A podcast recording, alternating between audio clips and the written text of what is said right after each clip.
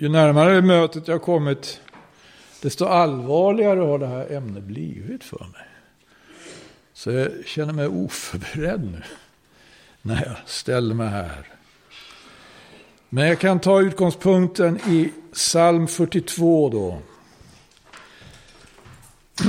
Det är några verser där. Det står så här ifrån fjärde versen. Mina tårar är min spis, både dag och natt. Ty ständigt säger man till mig, var är nu din Gud? Men jag vill utgjuta inom mig min själ och ha i minne hur jag gick med hopen upp till Guds hus under fröjderop och tacksägelse i högtidsskaran. Varför är du så bedrövad, min själ, och så orolig i mig? Hoppas på Gud, ty jag ska åter få tacka honom för frälsning genom honom. Här är det just det här uttrycket ha i minne. Vad, vad hade psalmisten i minne då? Hur han gick med hopen upp till Guds hus. Under fröjderop och tacksägelse. Att, att komma ihåg det här. Att komma ihåg församlandet, att komma ihåg alltså livet i högtidståget om man säger så. Högtidsskaran. Jag blev uppmärksam på hur minnet har en tendens att jobba med saker och ting som egentligen inte har, har med det att göra så mycket. Man kommer ihåg kanske sina besvikelser. Man kommer ihåg oförrätter som har begåtts. Man kommer ihåg, jag undrar om hur, liksom proportionellt hur mycket minnet är verksamt i köttet. Jämförelsevis hur mycket minnet är verksamt i Kristus, i anden. Det är inte alls säkert att det här liksom är minnesbilden man har. Som vi, vi möter här i, i 42 salmen. Men det borde väl ändå vara en del av vårt minne om vi har erfarenhet av det här. Att församlas till Kristus. Om vi har erfarenhet av, ska vi säga, att röra oss i högtidsskaran. Så borde väl det vara en väsentlig del av vårt minne. Kommer vi ihåg det? Jag, jag, jag, blev nästan lite förskräckt när jag rannsakade mig på den här punkten. Hur mycket minnet är verksamt. Inte i anden, utan i köttet. I, i, i världen. Och här måste man ju naturligtvis då ödmjuka sig.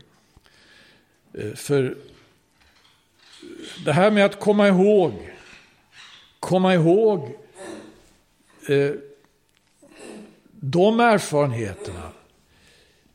Eh, det, det, det gör man inte utan vidare. Det, det, det, måste man kämpa för och sträva efter. Och jag nästan, jag vet inte riktigt.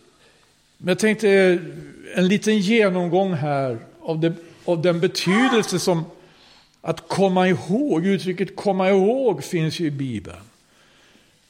Uttrycket att minnas finns i Bibeln, finns både i gamla och nya testamentet. Vi kan titta lite grann på hur det här, exempelvis för Mose, var väldigt allvarligt. Att påminna Israel om, om, om saker och ting. Det står så här i femte Moseboks nionde kapitel. Sjunde versen.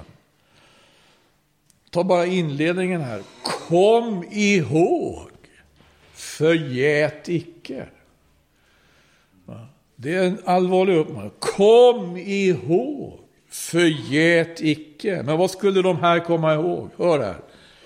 Hur du i öknen förtörnade Herren din Gud allt ifrån den dag då du drog ut ur Egyptens land, ända till dess ni nu har kommit hit, har ni varit gensträviga mot Herren.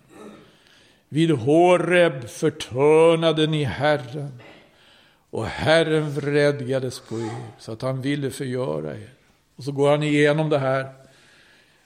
Mose då, hur han blev upp, han fick gå upp på berget och vara med om stora ting tillsammans med Gud. Men han måste också gå ner för berget. Och det, det han mötte när han kom ner, det var alltså ett folk i fullt uppror. Och helt djupt inkastade i avgudadyrkan. Den här genomgången gör han just i femte Mosebok med stort allvar. Det heter så här i 22 versen också. I Tabiera och i Massa och i Kibrot Hatava förtörnade ni och Herren. Men det är någonting som man inte gärna vill komma ihåg. Men det här var gamla testamentet. Finns det motsvarigheter i nya testamentet? Det gör det. Men det finns också väsentliga skillnader. Men vi, vi håller oss lite till här i gamla testamentet. Vi går till kapitel 11. Det finns också ett annat uttryck nämligen. Komma ihåg, besinna. Besinna. Det har ju också med att tänka till att göra. Och kanske minnas saker som är viktigt att man inte, som inte får falla i glömska. I elfte kapitlet så står det så här i andra versen. Besinna idag jag talar nu icke om era barn som inte har förnummit eller sett det. Hur Herren er Gud har fostrat er. Besinna hans storhet, hans starka hand och hans uträckta arm. Det var någonting att, besinna, eller hur? Herren er Gud, hans storhet, hans starka hand och hans uträckta arm. Alltså minnesbilder av det här, eller intryck av detta, det måste ju ändå vara någonting som har, har väldigt alltså, stor vikt.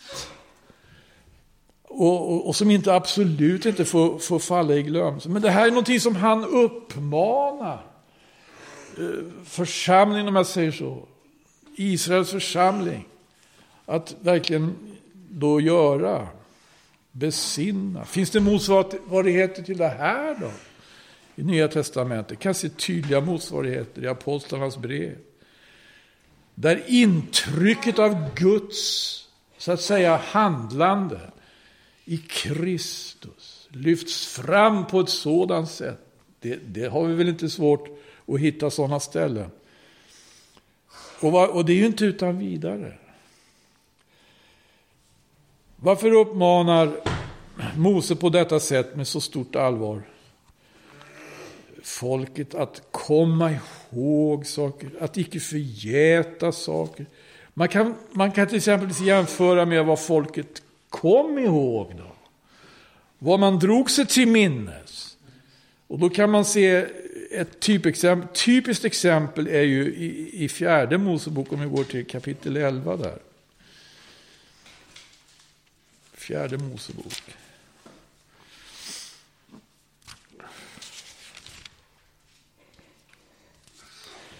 Det står där om, typiskt det här är, i fjärde versen i elfte kapitlet. Den blandade folkhop som åtföljde dem greps av lystnad. Israels barn själva började då också åter att gråta och sa, ack om vi hade kött att äta. Vi kommer ihåg fisken som vi åt i Egypten för inte. Vi kom, tänk, här kommer man ihåg något. Man kommer ihåg fisken.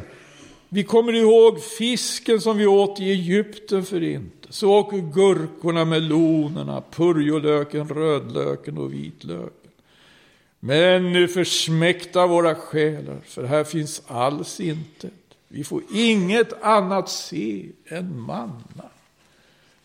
Det var det här man kom ihåg. Och då kan man ju fundera på hur pass korrekt var den här minnesbilden? De hade redan sett Guds stora gärning. Och de hade redan glömt den, verkar det som. De kom inte ihåg slaveriet.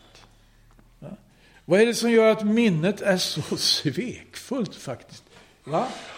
Att saker och ting plötsligt efterhand förstoras upp som egentligen borde hamna i skuggan av annat. För det här att det faktiskt fanns tillgång till kött och fisk och så vidare, det är nog sant det. Va? Men slaveriet var ju den stora och övergripande omständigheten som gjorde att befrielse var nödvändig. Förstår du hur, och när jag läser det här och ser andra saker, fundera på, ska vi ta ett kom ihåg nu från, från Nya Testamentet? Så kommer vi till exempelvis Johannes evangeliet då, kapitel 15. I Johannes evangelis 15 kapitel, 20 vers säger Herren, kom ihåg. Kom ihåg. Vad säger han då? Vad ska vi komma ihåg?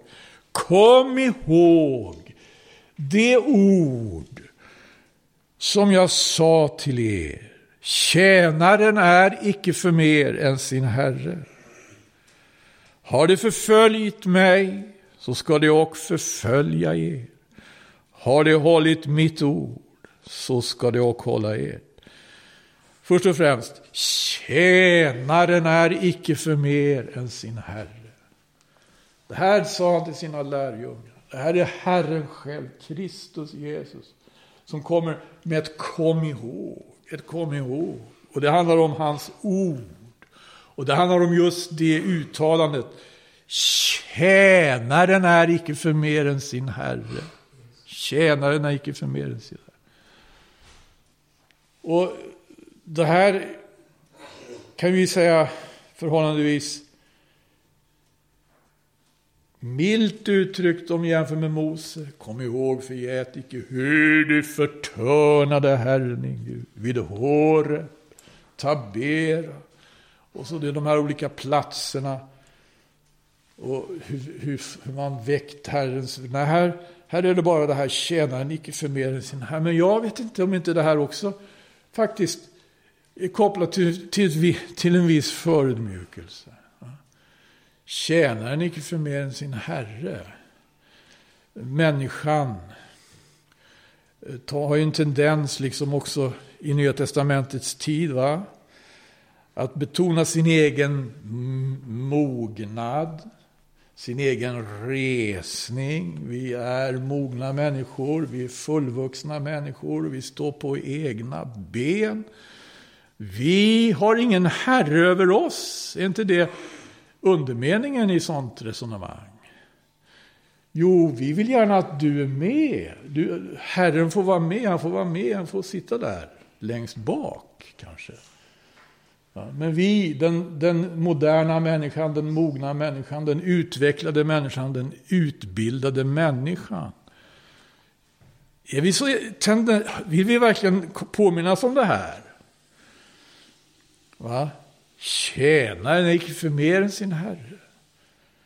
Men det är väldigt väsentligt. En väldigt väsentlig påminnelse. Ska vi titta lite på Nya Testamentets kom ihåg då. Och jag vill inte påstå att de är alldeles enkla bara. Till exempel om vi går till eh, första Thessalonikerbrevet. Första Thessalonikerbrevet.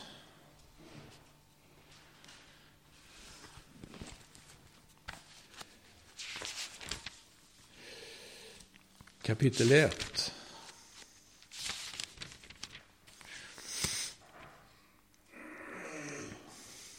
Står så här.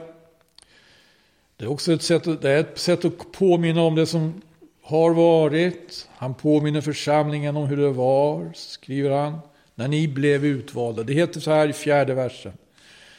Vi vet ju, kära bröder, ni Guds älskade, hur det var när ni blev utvalda. Vårt evangelium kom till er icke med ord allenast, utan i kraft och helig ande och med full visshet. Ni vet, ni vet också på vad sätt vi uppträdde bland er till ert bästa. Och ni och er sida blev våra efterföljare och därmed Herrens i det att ni mitt under stort betryck tog emot ordet med glädje i helig ande. Här ser vi att den här påminnelsen har ju både de här sidorna som också finns något av hos Mose faktiskt. Det, det, det hette ju så här då i femte Moseboks elfte kapitel. Besinna idag hur Herren er Gud har fostrat er. Besinna hans storhet, hans starka hand och hans uträckta arm. Det var det de hade anledning att komma ihåg. Här ser vi vårt evangelium, skriver aposteln, kom till er icke med ord allenast, utan i kraft och helig ande och med full visshet. Ja. När man har mött det här, då är det väl väldigt allvarligt att, man inte, att inte det faller i glömska. När vi mötte evangelium, när evangelium verkligen kom, så var det ju inte utan kraft, för då hade vi aldrig liksom fäst så stort avseende vid om det var ord som andra ord. När, när, jag, när, jag, när jag kom till tro, och jag fick höra Guds ord föreläsas, så, så hade det en sån kraft. Så märkligt. Jag kommer ihåg första gången, första gången jag själv gick till en gudstjänst. Det var i Luleå 1973. 74 tror jag. Jag blev frälst medan jag gjorde militärtjänsten. Kom i kontakt med kristna där. Det var både lågkyrkliga och baptister och pingstvänner. Det var Jesusrörelsen drog fram. Jag, första gången jag gick till en gudstjänst, det var i EFS. Betlehemskyrkan tror jag det heter, i Luleå. Och jag var ju helt ovan och sådär. Det var en söndagsgudstjänst. Och jag satte mig någonstans då inte så långt fram naturligtvis, det var ju för att lyssna på predikan. Och så eh, sjöng man salmer, så sjöng man sånger. Och bad, och så kom det till att pastorn då skulle tala och pastorn gick fram och då hela, min, hela mitt, liksom, min gamla, jag hade ju själv kommit till tro då. Men det gamla inom mig, liksom, det restes när jag såg den där pastorn.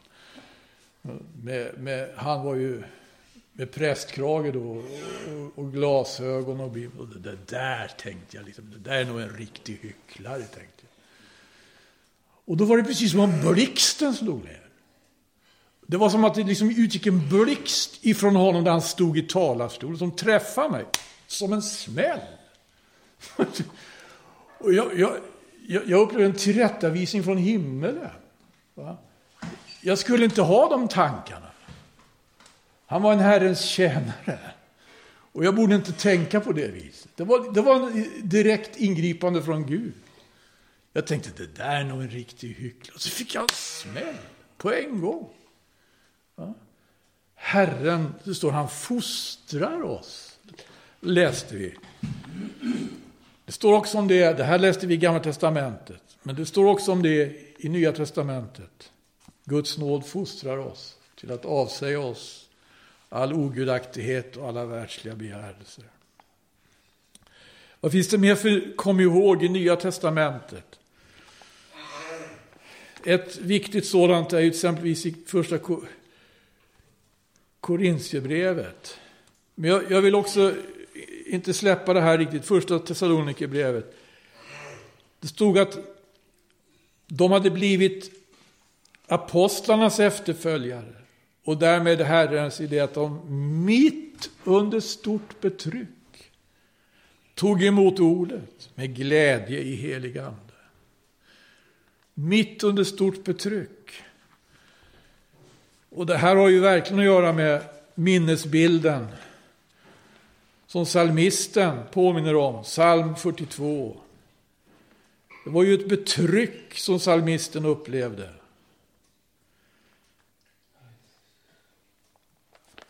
i 42 salmen. Mina tårar är min spis, både dag och natt. Ty ständigt säger man till mig, var är nu din Gud? Men jag vill utgjuta inom mig min själ och ha i minne hur jag gick med hopen upp till Guds hus under fröjderop och tacksägelse i högtidsskaran. Under de omständigheterna, alltså att det, det liksom på något sätt kommer från, från alla håll. Var är nu din Gud? Var är nu din Gud? Så kommer det här minnet. Va? I Thessalonikerförsamlingen så var det ju verkligen under betryck då som de tog emot ordet. Men de gjorde det med glädje i helig ande. Aposteln vill påminna om det här. Liksom för Israel så var det också för församlingen, alltså det var förödmjukande erfarenhet. Inte bara välsignade erfarenhet. Det var verkligen välsignade erfarenhet. Det var verkligen det. Men det var glädje. Men det, det, det var under stort betryck. Och jag undrar om det är det här som gör att minnet har en tendens att liksom arbeta med helt andra egentligen saker än, än, än det borde kanske. Då, då går vi till första Korintierbrevet, första kapitel.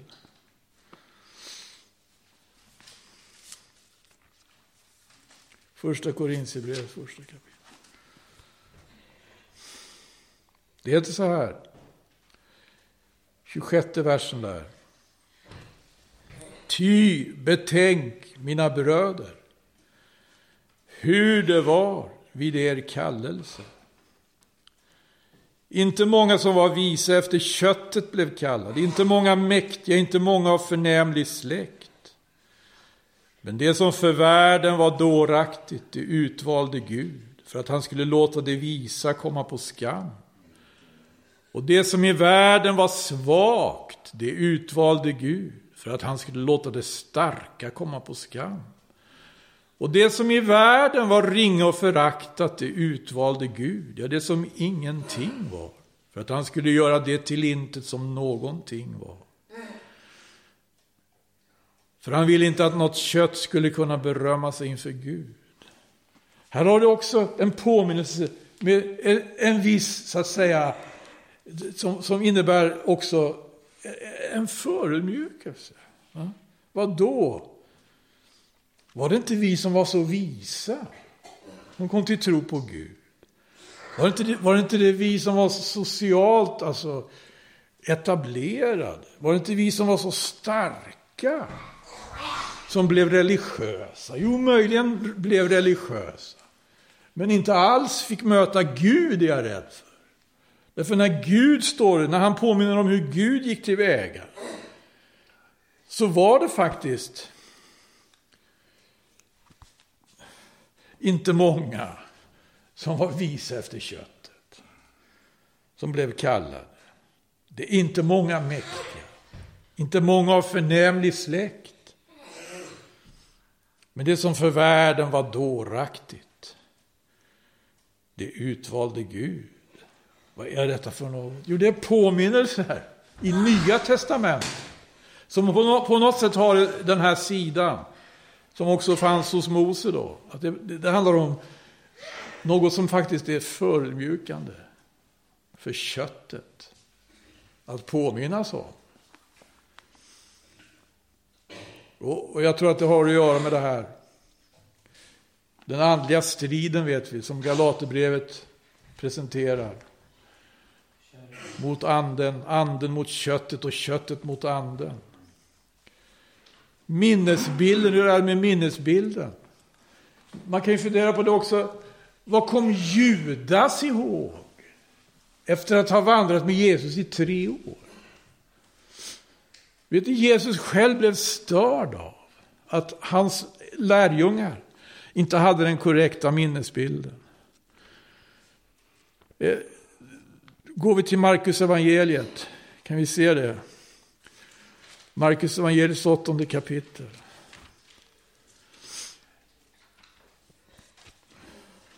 De for över båten, står det där. I, i, i trettonde versen. De for i båten till andra stranden då, av Genesares sjö.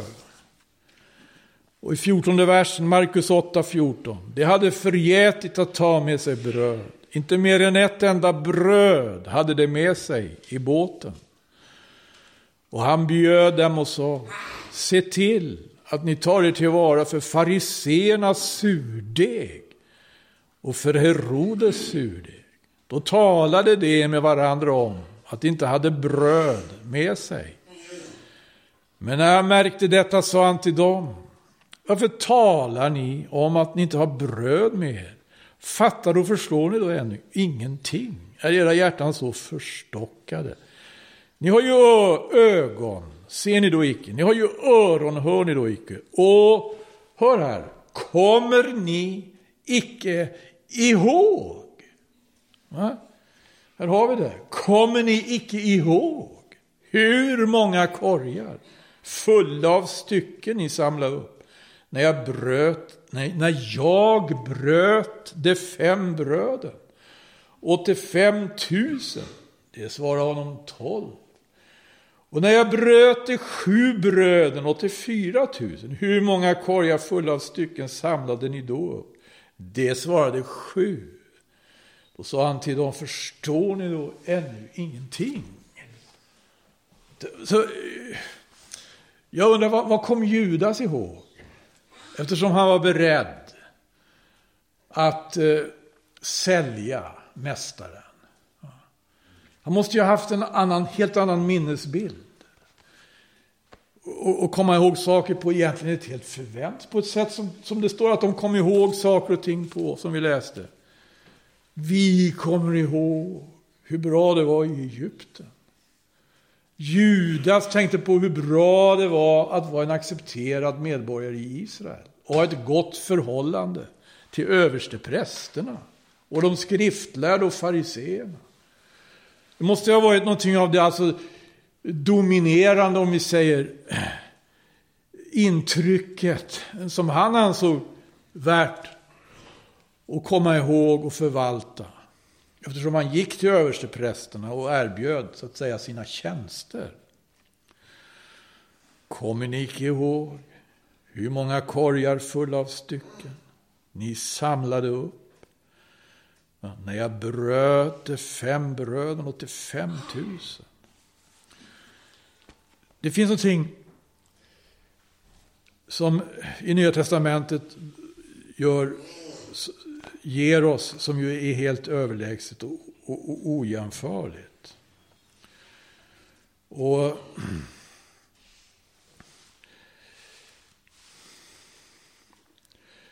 vi har det här framförallt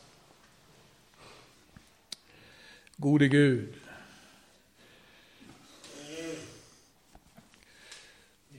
Uttrycket också i Johannes evangelium. Va? Johannes evangelium.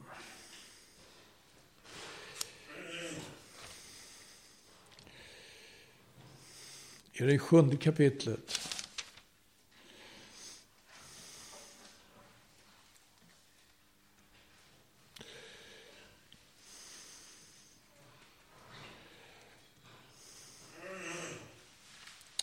Där Jesus säger till sina bröder då, som vill att han ska gå upp till högtiden.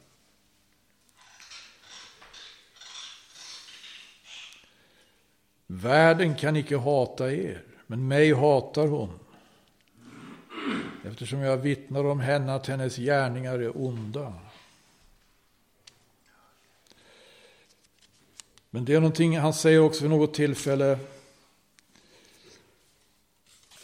Att han alltid gör vad Fadern behagar. Det är väldigt starkt. Kommer ni ihåg var det var någonstans?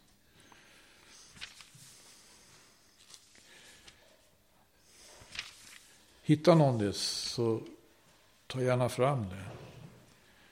Han gör alltid vad Fadern behagar.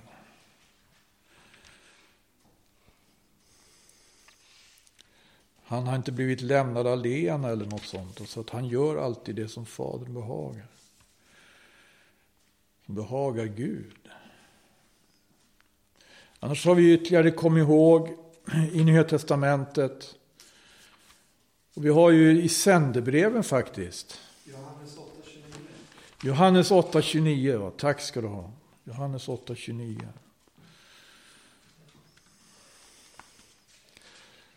Just det. Han som har sänt mig är med mig. Han har inte lämnat mig alena. Eftersom jag alltid gör vad honom behagar. Men det här måste ju vara en oerhörd förmån jämfört med Gamla Testamentet. Hur skulle man kunna, vem skulle man kunna dra sig till minnes vad av det slaget? Inte ens Mose var ju det. Inte Josua, ingen av profeterna. Att han alltid gjorde vad som behagade Gud. Men vi har väl anledning då och komma ihåg och se till att vi har den rätta minnesbilden. Det finns en som alltid gör vad honom behagar, vad, Gud, vad som behagar Gud. Att det finns en sån. Ja. Det är vår frälsare det, vår Herre, Jesus.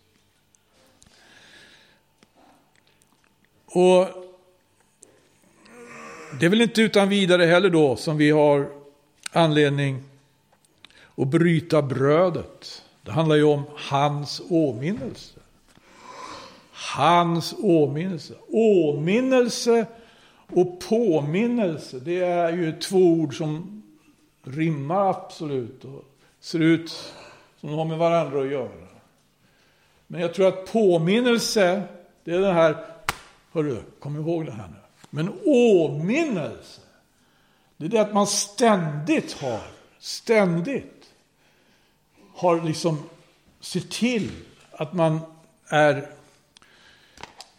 så att säga, att man inte förlorar, eh, om vi säger då minnet, minnesbilden, att minnesbilden, det var faktiskt vad, vad, vad själva påskmåltiden handlade om. Men, men jag var på väg till sändebreven nu. Och ytterligare ett ord här. Som handlar om att komma ihåg saker och ting. Och det är i Uppenbarelsebokens tredje kapitel.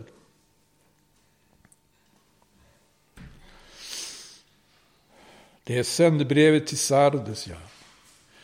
En mycket allvarlig, ett väckelserop, hör här, i andra versen. Vakna upp och håll dig vaken och styrk det som ännu är kvar, det som har varit nära att dö. För jag har icke funnit dina gärningar vara fullkomliga inför min Gud. Tänk nu på, här har vi det, påminnelsen. Tänk nu på hur du undfick ordet och hörde det och ta vara därpå och gör bättring. Om du inte håller dig vaken så ska jag komma så som en tjuv och du ska förvisso icke veta vilken stund jag kommer över dig. Det här är väl värt att komma ihåg. Hur man första gången fick höra Guds ord. Och när man tog emot det, som det heter i Thessaloniki, inte så som människoord, utan så som Guds ord som det i sanning är. Och det kom, skriver aposteln, icke med ord alena, utan i kraft och helig ande och full visshet. Eller var det, är det någon av oss som kom till tro genom att bara höra ord? Vilka som helst. Inte ens bibelord, vilka som helst hjälper. Om det inte är med kraft, med helig ande och full visshet. Det var ju när den heliga ande var verksam. Genom ordet. Som vi kom till tro. Ja. Och då fick vi också de första tidiga, dyrbara minnena. Av hur saker och ting egentligen, eh, hur det ligger till med saker och ting. Det skedde under betryck Ja. Vi var förmodligen i en kris av något slag. Och eller i ett sammanhang där man upplevde kriser. Och ständigt, ständigt liksom kom de signalerna från världen. Var är nu din Gud? Var är nu er Gud? Allting går så bra för dem som är likgiltiga för Gud. Men ni som tycker att det här med att tro på Gud är värt något, det ser det går ju bara illa för er. Det går ju bara illa hela tiden. Förmjukelser, tillkortakommanden. Men salmisten, igen, när de här pilarna kom. Det är väl inte utan vidare som aposteln Paulus skriver om den ondes brinnande pilar.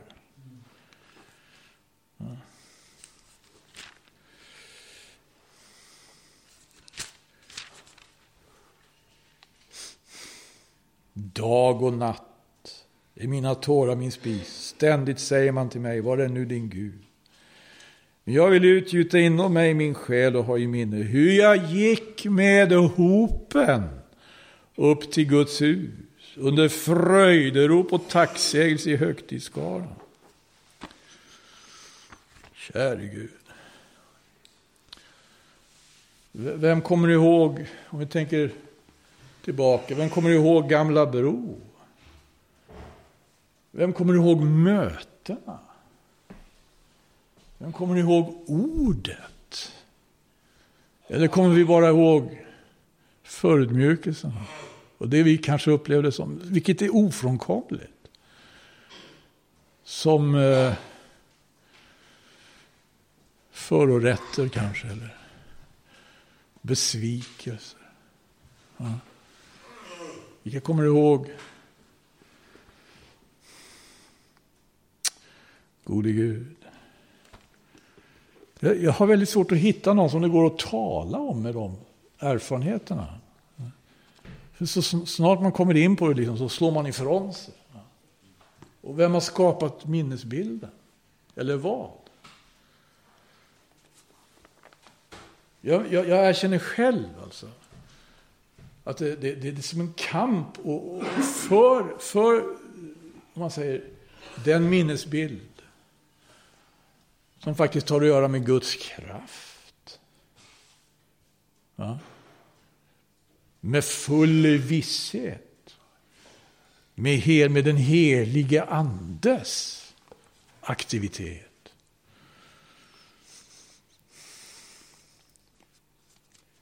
Men det ser ut som att det är sådana saker som det är viktigt att liksom på något sätt i alla fall vara medveten om. Minnet kan faktiskt vara svekfullt.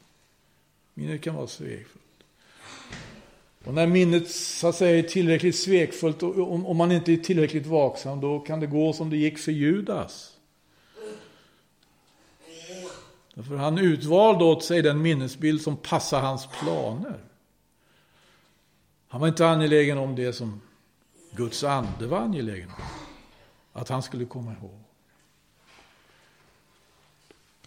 Gamla testamentet så finns det här, kom ihåg. Nya testamentet så finns det också.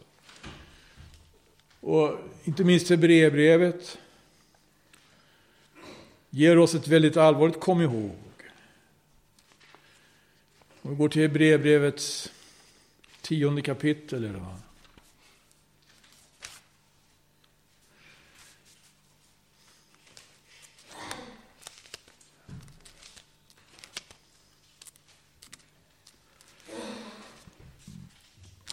Kom ihåg, står det där uttryckligen. I 32 versen. Kom ihåg den förgångna tiden. Då ni, sedan ljuset hade kommit till er, ståndaktigt uthärdade mången lidandets kamp. Och dels själva genom smälek och misshandling blev gjorda till ett skådespel för världen dels led med andra som fick genomgå sådant. För ni har delat det fångnas lidanden och med glädje underkastat er att bli berövade era ägodelar. Ni visste nämligen att ni har en egendom som är bättre och blir beståndande. Så kasta nu icke bort er frimodighet som ju har med sig stor lön. Med glädje och underkast. När Jesus kallar så kallar han ju till efterföljelse. Och han förklarar vad efterföljelsen innebär. Och säger den som vill bevara sitt liv, han mister det. Men den som mister sitt liv för min skull, för evangeliets skull, han ska vinna det och ha evigt liv. För det här var för han var i centrum. Och för hans ord var i centrum, då, då kastade det ett ljus över erfarenhet som annars när man förlorar sina ägodelar, som man på sätt och vis har sitt liv i. Hur kan det vara förenat med glädje? Men det står det är det. Ska vi vara ärliga med vår minnesbild av att vara Jesu efterföljare och tro, tro som folk, människor som tror på honom. Så kommer vi att komma ihåg alltså sådana erfarenheter där vi förlorade vårt liv. Där vi förlorade för vi gjorde de valen. Vi följer hellre honom. Än vi nappar på det eller det eller det erbjudandet. Om att vinna sitt liv, om att bevara sitt liv. Om minnet inte sviker så borde vi ha förmågan att ha i minnet hur vi gick med hopen till Guds hus under glädje och fröjd i högtidsskaran. Finns den minnesbilden? Är vi rädda om den? Bevarar vi den? Nej, det var inte utan förödmjukelse. Nej, det var inte utan smärta.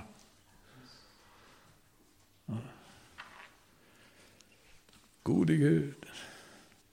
Men det är väl det här med påskmåltiden, tänk med brödsbrytelsen.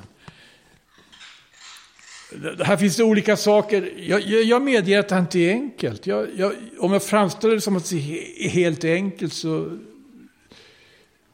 så, så det är inte det. Det är en kamp, det är en kamp. Visst är det det. En kamp för tro. En kamp för att behålla och bevara det, det, det rätta perspektivet, den rätta minnesbilden. Jesus var själv störd av att det så snabbt gick förlorat för lärjungarna. Kommer ni icke ihåg?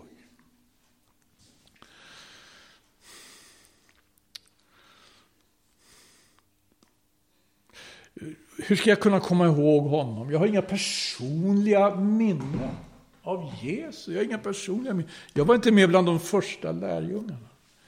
Men när jag tänkte på det här så insåg jag att bara det är ett väldigt svekfullt sätt att resonera. Därför jag har personliga minnen av Jesus Kristus.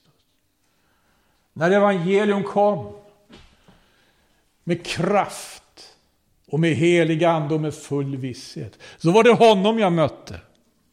Det var honom jag mötte. Ja, visst var det det. Det var honom jag tog intryck av. Det var det som gjorde att jag kom till tro.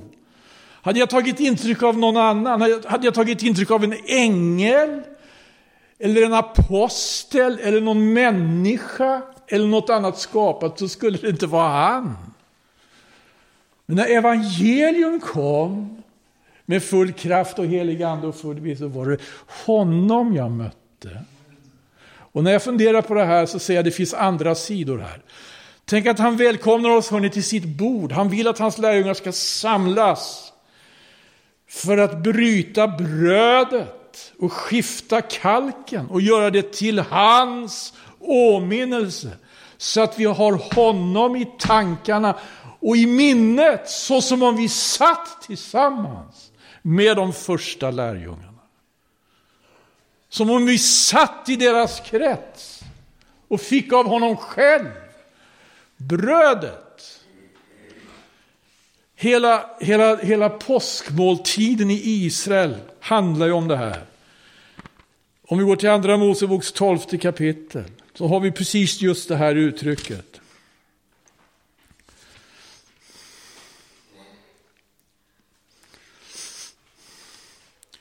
När han har fått instruktioner från Herren Gud om hur påskmåltiden ska firas i tolfte kapitlet.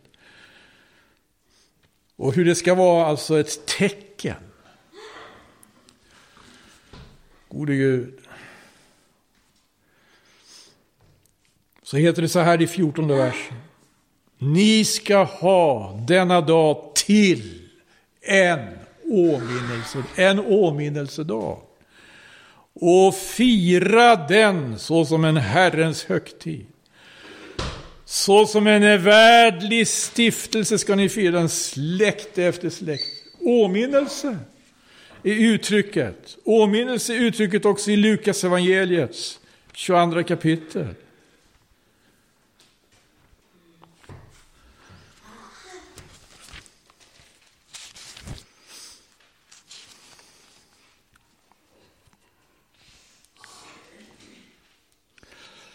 Va?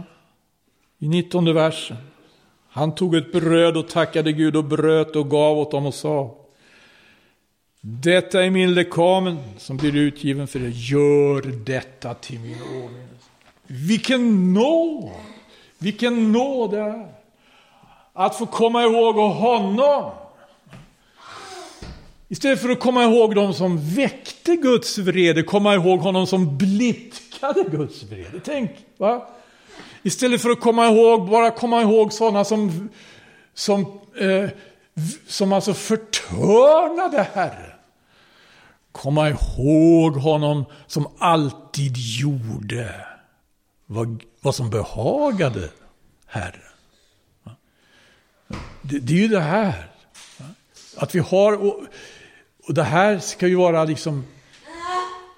Och jag tänker på det, psalm 42, det låter som att vi ska komma ihåg församlingen och alla ljusa ögonblick vi har haft med församlingen.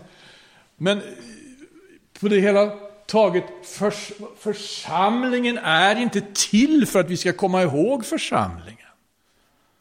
Det är den inte. Församlingen är till för att vi ska komma ihåg honom. Annars så kanske vi förlorar oss i en massa skuggor och vi har hela kyrkohistorien att komma ihåg. Och det är naturligtvis inte att förakta att, att, att ha en korrekt bild av kyrko eller församlingens eller väckelsehistoria. Men den här tanken kom till mig, pröva den. Församlingen är inte till för att vi ska komma ihåg församlingen. Församlingen är till för att vi ska komma ihåg Herren Jesus. Vi ska komma ihåg honom. Tänk, va? vilken förmån att få komma ihåg honom, tänka på honom. Som istället för att förtörna Herren gjorde vad som behagade Herren. Komma ihåg honom som istället för att väcka Guds vrede, som de gjorde, ställde sig i vägen för och blidkade kan man säga. Eller som, som lammet, lammets blod på dörrposterna. När fördärvaren såg gick han förbi. Ja, det här var bara ett försök att försöka ringa in den här frågan eller det här ämnet för oss. Ska vi hejda oss lite nu, tala med Herren, tacka Gud, led i bön någon.